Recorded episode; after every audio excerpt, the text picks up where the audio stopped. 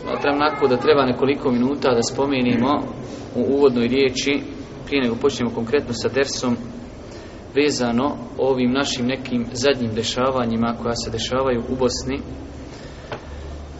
Insan se pita kako da se ponaša i kako da se postavi u svemu tome vidimo da je pokozna koji put pokrenuta velika hajka protiv islama i muslimana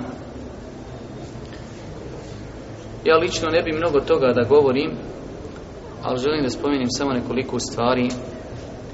Prva stvar, insan treba da zna da nekada određena stvar, ako je znači nastala ne kao plod njegove greške, već jednostavno nastala je kao plod želje da se neko bori protiv Islama, Nekada ona u vanjštini može izgledati loša i insan da je ne voli, a može istog Allah te tala dati veliki hajr.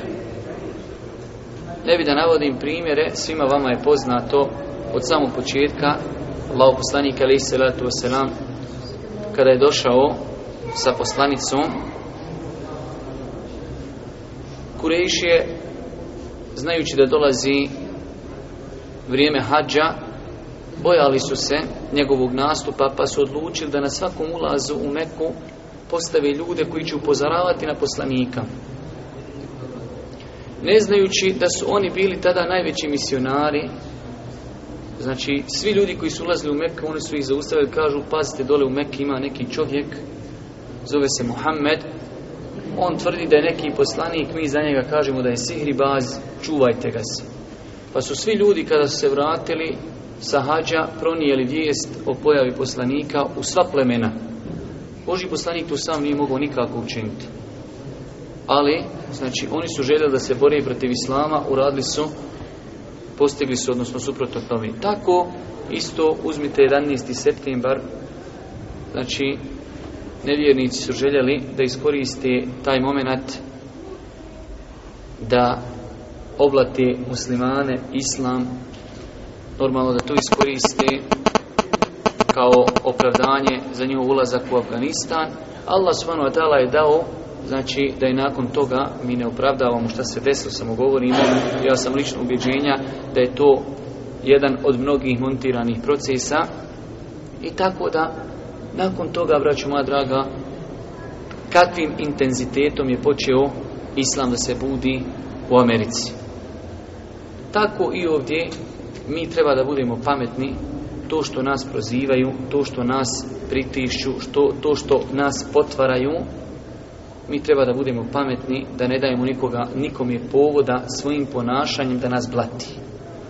A to što će neko lagati i potvarati, mi ne možemo tu ništa. Naše je da islam prezentujemo na najljepši način ljudima koji nas okružuju.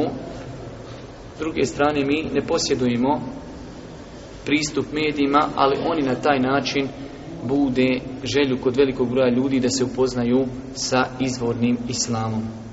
Normalno, jedan od najvećih musibeta današnjih doba jeste generalizovanje stvari, tako da mi se odričemo svih onih stavova i postupaka koji nemaju uporište u islamu, ali isto tako, braću moja draga, ne prihvatamo da neko sve ljude koji dolaze u džamiju, sve ljude koji vanjštinom žele da pokažu da su muslimani, da ih stavi u isti koš.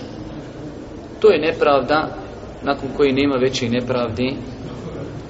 Zamislite kada bi mi, normalno to samo prolazi kada je u pitanju islam i muslimani, ni na kakvom drugom znači polju to ne prolazi. Vidjeli ste prije par dana kada su dole onog jednog policajca uslikali u kafani kako je zaspo, ljudi su sa njim ismijavali, skidali mu kapu, slikali se kraj njega. Šta mislite da mi sad kažemo, svi su policajci takvi, svi su pjani. Ili koliko puta se desilo da je neki političar pronedjerio pare, velike, milione i osuđen zbog toga. I niko ne kaže, svi su političari lopovi koliko puta se desilo da neki mafijaš je uhapšen zbog ubijstva iz nekog grada. Evo sad imamo utuzli dešavanja da koliko puta se desilo u zadnjih samo par dana djevojka rodi vambrašno dijete, utuši ga, udavi ga. I hoćemo li mi zbog toga kazati svi zlati su takvi? Hoćemo li kazati zbog tog nekog političara koji je pronevjerio ono što su mu ljudi dali na povjerenje, da kažemo svi političari su isti?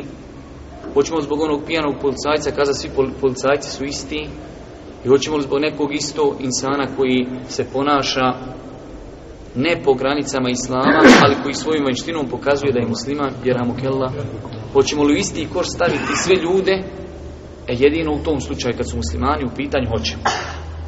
I svi na to aminaju i svi šute na tu toliku nepravdu, ali ja kažem, znači insan u pogledu toga ima jednostavno ruke pod kamenom ne može djelovati osim da svojim ponašanjem pokaže da nije istina ono što se govori. Asa an takrahu shay'an wa huwa khairul lakum. Vi nešto mrzite, mislite da nije dobro, a može Allah dati u tome hajr. Tako da naše je da ostanemo dosljedni nosioci islama, da ga prezentujemo ljudima onako kako se od nas očekuje, a to što neko možemo stati u obraz da potvara, da laži, da zbog greške jednog insana osudi sve ljude koji su vanjštinom kao i on. Znači, o tome ne treba puno govoriti.